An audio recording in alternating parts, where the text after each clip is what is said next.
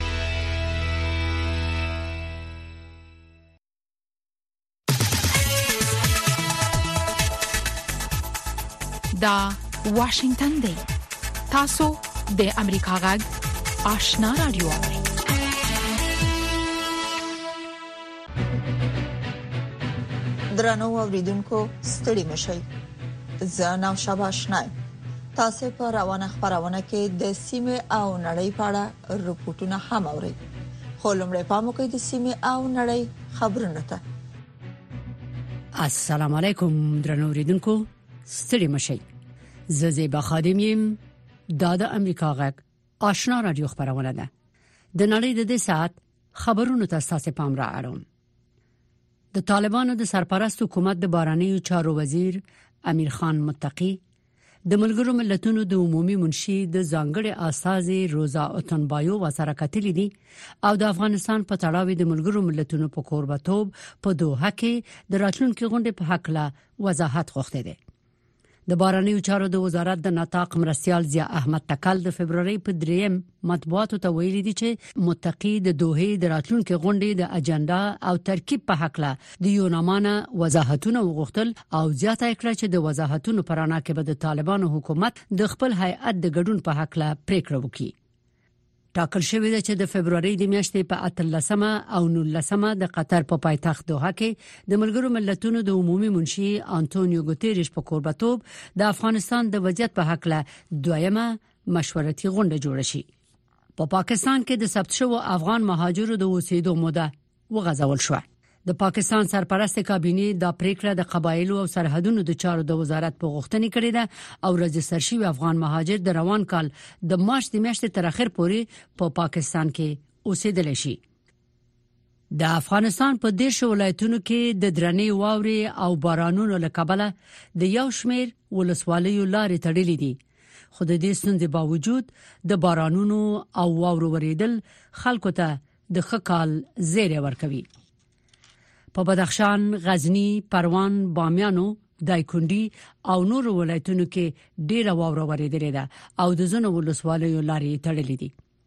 د سالنګ لوی لار هم چې د افغانستان نه شمالي او شمال ختیځ ولایتونه د کابل ختیځو او جنوب ختیځو ولایتونو سره نښلوي تړلې و د بغلان لپاره د طالبانو د امنیي قومندان د خلکو نغښتې دي چې تر بل اعلان پورې په سالنګ تګ راتګ ونکړي د بدخشان د ولایت د شهر بزرګ په ولسوالۍ کې د واورې د خویدو لکبله درې تنه مړ شوي دي د بلوچستان د ایالت په چمن کې د احتجاجي غونډې یا پرلت مشران وایي د پاکستان چارواکي چې د دوی غوښتنې نه مني دوی په خپل سیمه کې انتخابات نه مني او مخه یې نیسي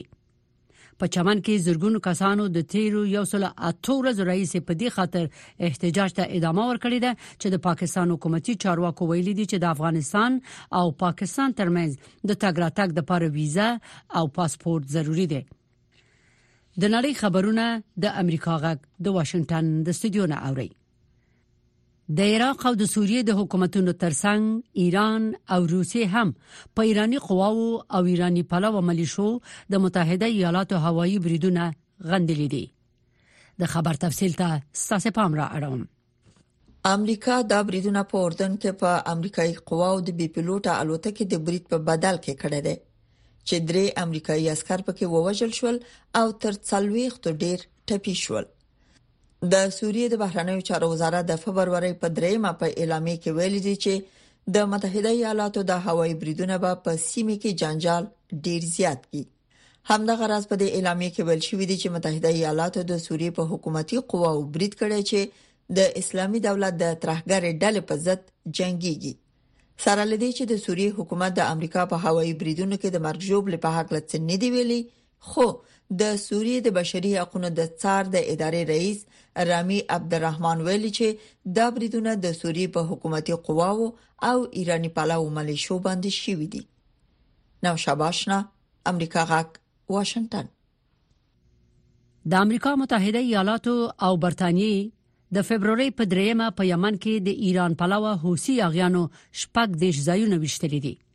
امریکا ویلي دي چې دا بریدونه د استرالیا، بحرین، کاناډا، ډنمارک، هالند او نیوزیلند په ملاتړ د جنگي بیړیو او الوتکو په وسیله شوې دي د امریکا د مرکزی قومندانۍ په بیان کې ویل شوی دی چې دغه بریدونه د حوثیانو په هغه تاسیساتو او اډو شوی دی چې په سری بهیره کې ورنه په تجارتي بیړیو بریدونه کوي د امریکا جمهور رئیس جو بایډن د دیموکراتیک ګوند د نهایی کاندید د انتخابولو لپاره د امریکا د جمهوریت ریاست په مقدماتي انتخاباتو کې بیګا شپه د کارولینا په ایالت کې لوی اکثریت ترلاسه کړی دی جو بایډن په خپل ګوند کې دوه رقیبان لري یو د اساسو د جرګې غړی ډین فلیپس او بل لیکوال ویلیامسن دی د سی ان ان د خبري چینل د راپورټ لمخې په شمیرل شو رایو کې جو بایدن 15% رای ګټلې دي د دیموکرات او جمهوریت ګوند کاندیدان په خپل ګوندي انتخاباتو کې د اکثریت رای د ترلاسه کولو نه وروسته سکهال د نوومبر په میاشت کې په انتخاباتو کې برخه اخلي او د پیسو د نړیوال صندوق په اټکل د چین اقتصادي وده به په راتلونکو څلورو کلونو کې مخ په ځوړ وي د پیسو نړیوال صندوق په خپل راپور کې چې د جمعې په ورځ خبر کړي اټکل کړی دی چې په روان کال کې به د چین اقتصادي وده 3.8% وي تر 2028م کال پورې به د چین اقتصادي وده 3.4% ته ټیټه شي زیبا خادم امریکا غږ واشنگتن د سیمه او نړۍ خبرونه واوریدل په موقع د سیمه او نړۍ په اړه رپورټونه ده د طالبانو د حکومت د بهرنیو چارو وزارت وایي چې دغه وزارت سرپرست امیر خان متقی د ملګرو ملتونو د عمومي منشي ځانګړي استاد روزا اوتنبای واته ویل چې قطر کې د افغانستان په تړاو جوړیدونکو غونډه کې د ګډون په اړه غور کوي د سیاسي چارو کارپوهان وایي چې طالبان په دې غونډه کې ګډون ونی کی نو دا پریکړه به هم د افغانستان او هم د طالبانو په زیان تمام شي په دې اړه نور تفصيل د اکرام شینواری په رپورت کې اورئ د طالبانو د حکومت د بهرنی چارو وزارت وایي چې د دغه وزارت سرپرست مولوی امیر خان متکی د شنبه پر ورځ په کابل کې د ملګرو ملتونو د عمومي منشي ځانګړي استاذ روزا اوتنبایو سره په کتنه کې د فبرवरी پر روانه میاشت کې په دوه کې د افغانستان په تړاو د ملګرو ملتونو په قربتوب د جوړیدونکو غونډې په اړه وضاحت غوښتي دي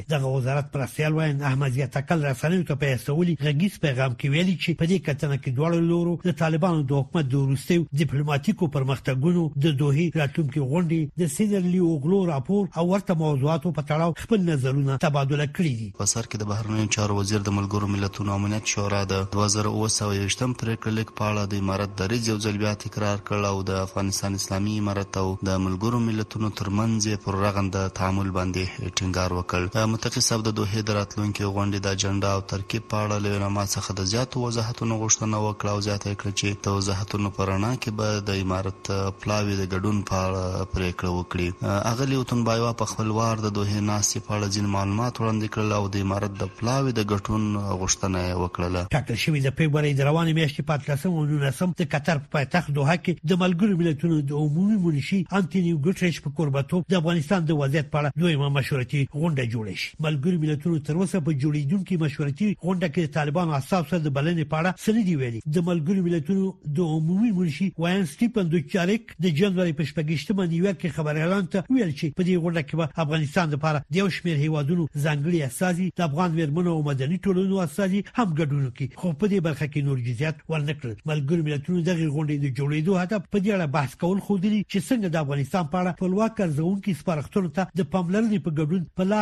همغږي او رغنده ډول سره نړیواله بوختیا زیاتول شي د سیاسي چارو یو افغان کارپو عزیز مارجوي چې د غونډې په اړه وضاحت د طالبانو حق دی خو ټینګار کوي چې طالبانو حکومت اساسي په دې غونډه کې ګډون ونه کړي نو دا پریکړه به د افغانستان او په خپل طالبانو په ځان تمام به د چې د دوحې راتلونکی کنفرانس په اتلسم نهسم د فبروري مه د جوړیږي وروسته د سنډ او غلو د ګزارش نه دا د افغانستان په هکله مه ډیر مهم باهمیته ده ځکه د نړۍ د دنیا پام افغانستان ته راګرځول شوی ده او طالبان هم په دې کې که وضاحت غواړي له یونما دفتر نه څو چوندوی ته بلنه ورکړل شوی ده دا د دوی حق ده اما له دې نه که دوی ویره ولري یا حراس ولري یا غواړي چې مثلا دا تحریم کې یا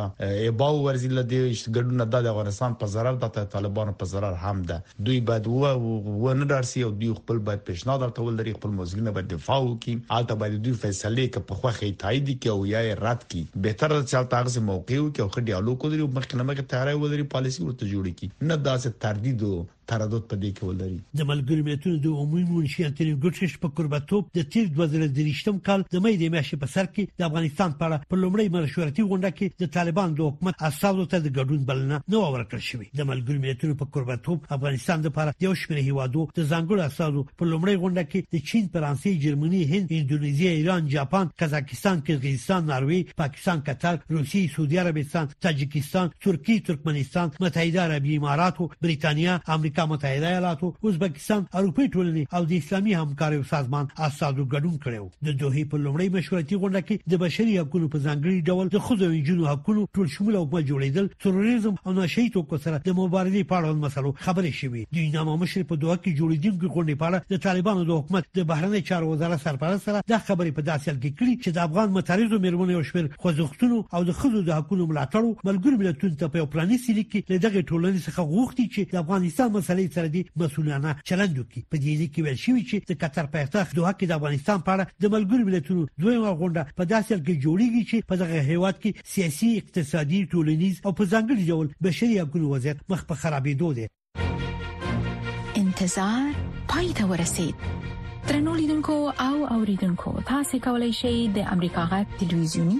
او رادیوي خبرونه د یاشر ساتلایت له طریقو وګورئ او واورئ د نوي ساتلایت لارې تاسو د آشنا اتصال او کاروان ټلویزیونی خبرونه کتلای هم شئ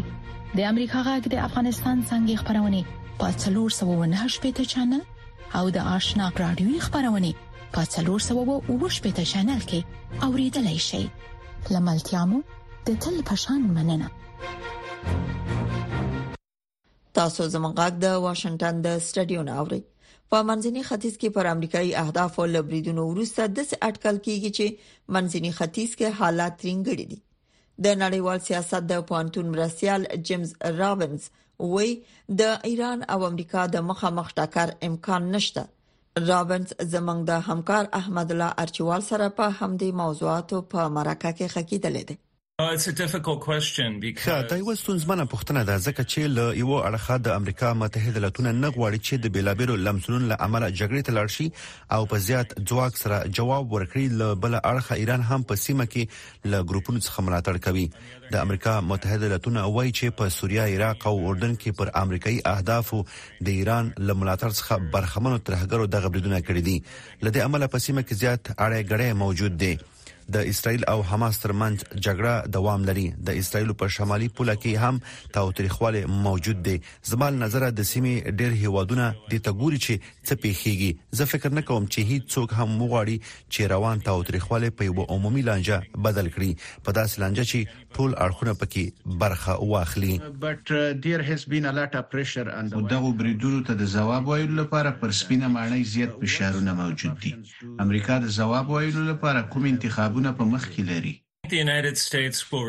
زه فکر کوم چې د امریکا متحده ایالتونه به یو محدود ځواب ورکړي د ولسمشر بایډن اداره ډیره زیاته هڅه کوي چې له ایران سره له یوې پراخې جګړې او یا عمومي ټکر څخه ځان وساتي زه په دې باور یم چې د امریکا متحده ایالتونه به ژر غبرګون وښایي دا به ښایي یو ډول محدود برید وي ښایي په سوریه یا عراق کې پر ګروپونو تر سره شي زما له نظره دا به له هغو بریدونو چې تر اوسه موږ لیدلي څخه ستر برید وي په اردن کې دا په خپل ډول لومړی برید دی فکر کوئ اردن هم په دویم عراق یا دویمه سوریه بدلیدونکی دی؟ نه، زه دا فکر نه کوم. اردن په پرتلیزه توګه له سوریې او یا عراق څخه زیات باثباته هیواد دی. په اردن کې ښايي اړه ګړی موجود وي، خو په هر صورت د اردن حکومت په یوې لانجې کې د نه ښکیلیدو هڅه کوي، نه د فلسطین لوري او نه کوم بل لوري ته. دا خبره مهمه ده چې اردن په لومړي سر کې وویل چې دغه برید د سوریې دننه شوی وو، نه په اردن کې. د دې معنی دا ده چې اردن ترهګرو ډلو یا ایران ته اجازه نه ورکوي چې اردن دغه لانجې ته کش کړي. د ایران د انقلابي ځواک پر پوستو د یو څو بریدونو سربیره، ایران تیره اونۍ اسراییلو ته د جاسوسۍ په تور یو څو نفر هم اعدام کړل. فکر کوئ د ایران او اسراییلو ترمنځ د مخامخ ټکر کوم امکان موجود دی؟ یقینا زه داسې فکر نه کوم چې دا کار دې ممکن وي خو د ایران لپاره به دا ستونزمن وي چې پر اسرایل مخامخ برید وکړي که ایران په لوی کچه جګړه کول غواړي دا به لومړی هیواد وي چې خپل ځواکونه په جګړه ته لګدوي خو کدا د ایران او اسرایل ترمنځ د دولتونو جګړه وي بیا به لشاک پرته نور هیوادونه هم په جګړه کې ښکیل شي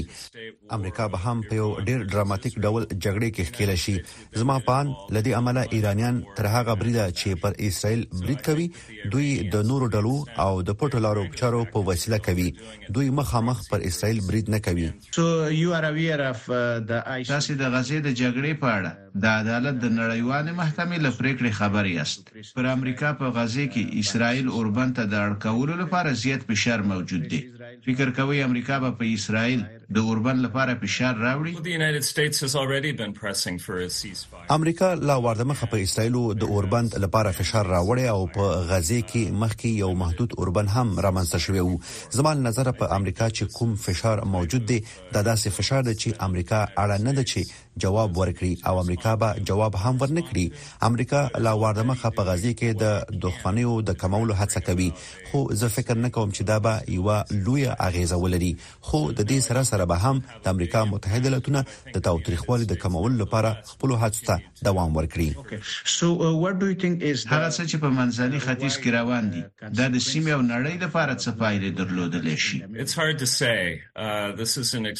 د دې خبرې وړاندوینه ستونزمنه ده. دا یو ستونزمن وخت دی. ایران غواړي هغه څه چې د ایران د مقاومت د محور په نوم یادیږي،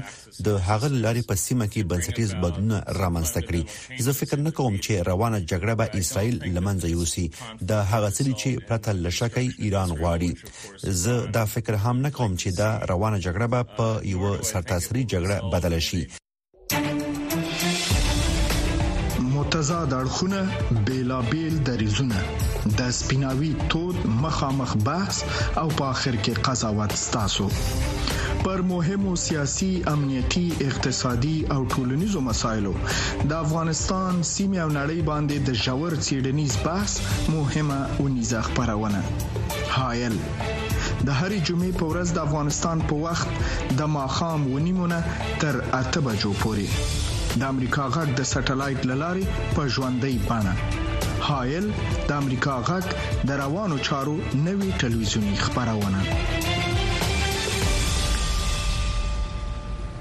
رپورټونو ته د واشنگټن د سټډیو نه ادامه ورکوم وروسته له هغه چې د پښتون ژغورنې غورځنګ یو شمېر غړو په خپل زنداني شوی مشر منظور پښتين د پاکستان د حکومت لخوا د تاوتریخوالي ادعاوې وکړې په مختلفو خارونو کې غورځنګ غړو د منظور پښتين د خوشی کېدو لپاره مظاهره هم وکړي په واشنگټن کې هم یو شمېر خلکو د منظور د خوشکېدو لپاره لاریون کړی وو تفصيلي په راپور کې اوري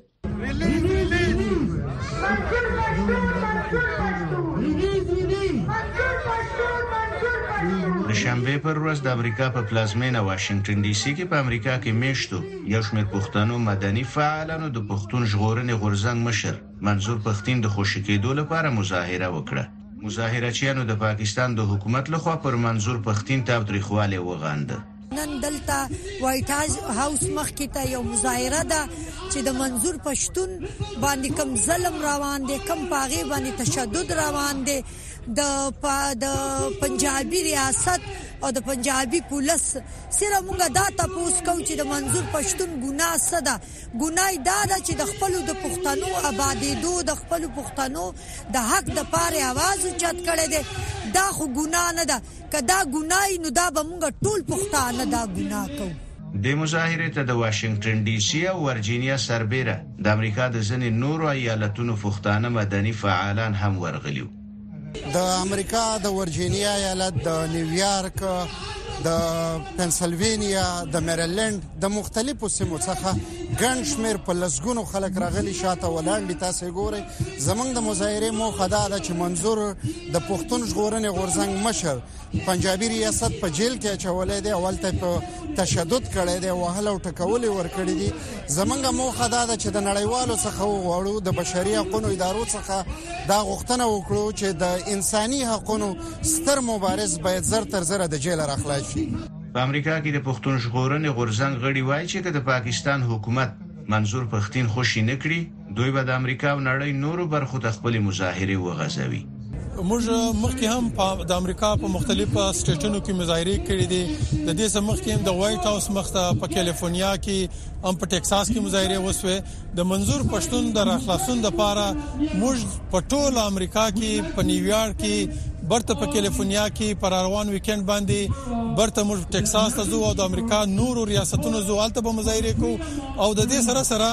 په ټوله یورپ کې د یورپ په ټوله ملکو کې تر څو چې منظور پښتون را خلاصيږي تر هغه پورې موږ مظاهرو ته دوام ورکوو. د پښتون ژغورنې غورځنګ مشر منظور پښتین د روان کال د جنورۍ له څلورمې تر اوسه په پنجاب کې بندي دی. د دې تحریک غړي وايي چې منظور دا مهال د اټک په زندان کې بندي دی، خو د پاکستان حکومت په دې اړه رسماً څه نه دي ویلي. احمدالله ارچیوال، اشنا تلویزیون، واشنګټن.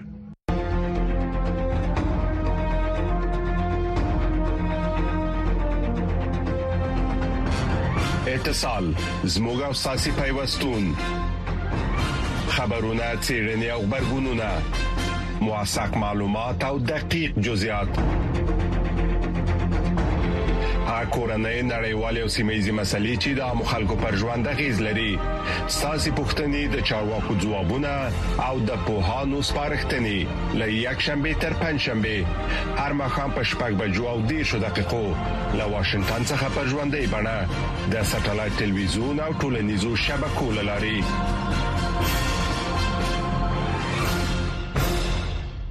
درنو اوریدونکو د کابل جلال آباد لار د ټرافیکي پیښو له اړخه خونړۍ لار غنل کیږي او یوازې 13 ونې په همدې لار په یو ورځ لس ټرافیکي پیښې وشوي چې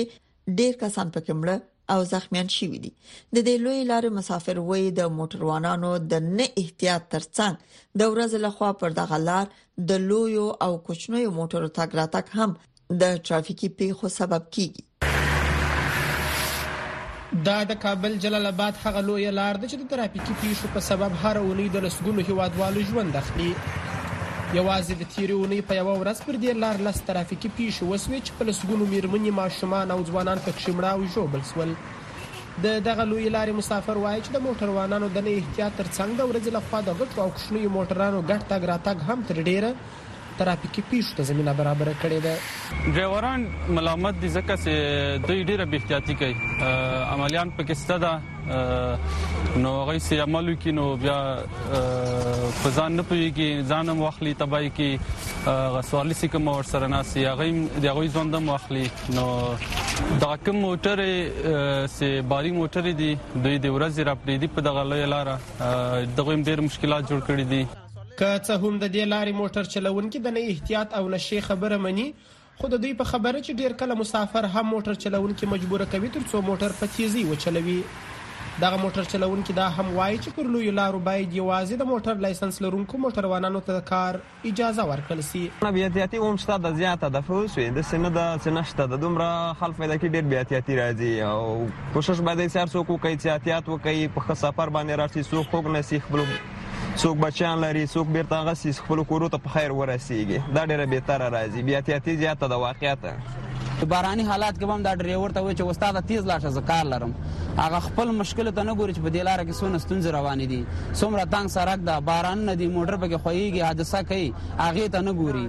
او د خپل به احتیاطي دغه ناغه کې نو برداشت نه چې وروره دغه سرک دوړکه شنونکي وايي، تر هغو چې د غټو او کوچنیو موټرانو لارې سره بېلې نه شي، د ترافیکي پېښو دا خونړۍ لړۍ به همداسې روانه وي. دغه سرک چې ده تقریباً اتیا نوي یا سل کاله په دې سرک ودي دي، دا سرک دې دومره موټرو ګنجایشت هم نه لري، هغه د ټرېلرو لاره واړوي او یې خوا ته د بند غازی سرک جوړ سوی دی او لږ پاتی ده په همغه باندی کار شروع کی دغه سرک دی وړو موټرو ته انشاءالله کفایت کوي او د غټو موټرو ګنجایش نه لري د کابل جلال اباد دغه لار نږدې یو سلو پنځوس کیلومتره ده چې د ترافیکي پیښو ترڅنګ د غره ښویدنې پیښو هم ډیر لارویان له ستونزو سره مخامخوي. د شنونکو په نظر د سړک د پراخولو ترڅنګ باید د موټر چلوونکو پر قانوني اسنادو هم زیات ټینګار وسی ترڅو د ورته پیښو کچه راټیټه سی شمسارین امریکا ژغ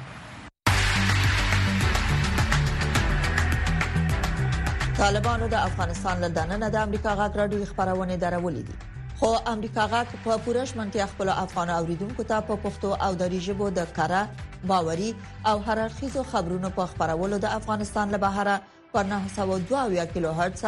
منځنوي سپو خپل خبرونه ته دوام ورکړي د دې ترڅنګ تاسو کولی شئ چې زموږ پښتو خبرونه په لاندو چپو هم واورئ پښتو سهارنې خبری خبرونه پر 2290.0 چپو اوریدل شي ما خبرنې پښتو خبرونه په 2140.0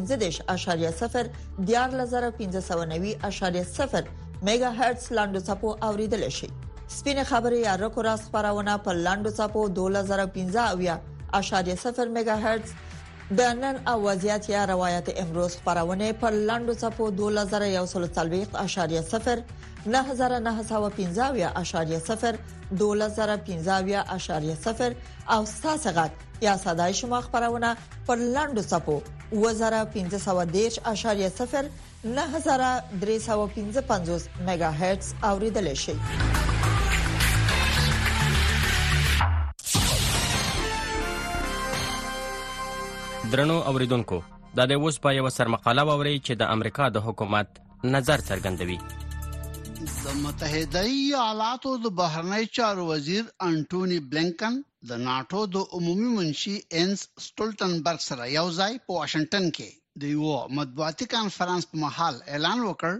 چې ناتو د بیړې له احساس سره مخ پر وړاندې حرکت کوي نه یوازې دا چې د یووالي پیاوړی احساس لري بلکې د عمل د یووالي احساس هم ورسره موجود دی بلنکر په دې اړه د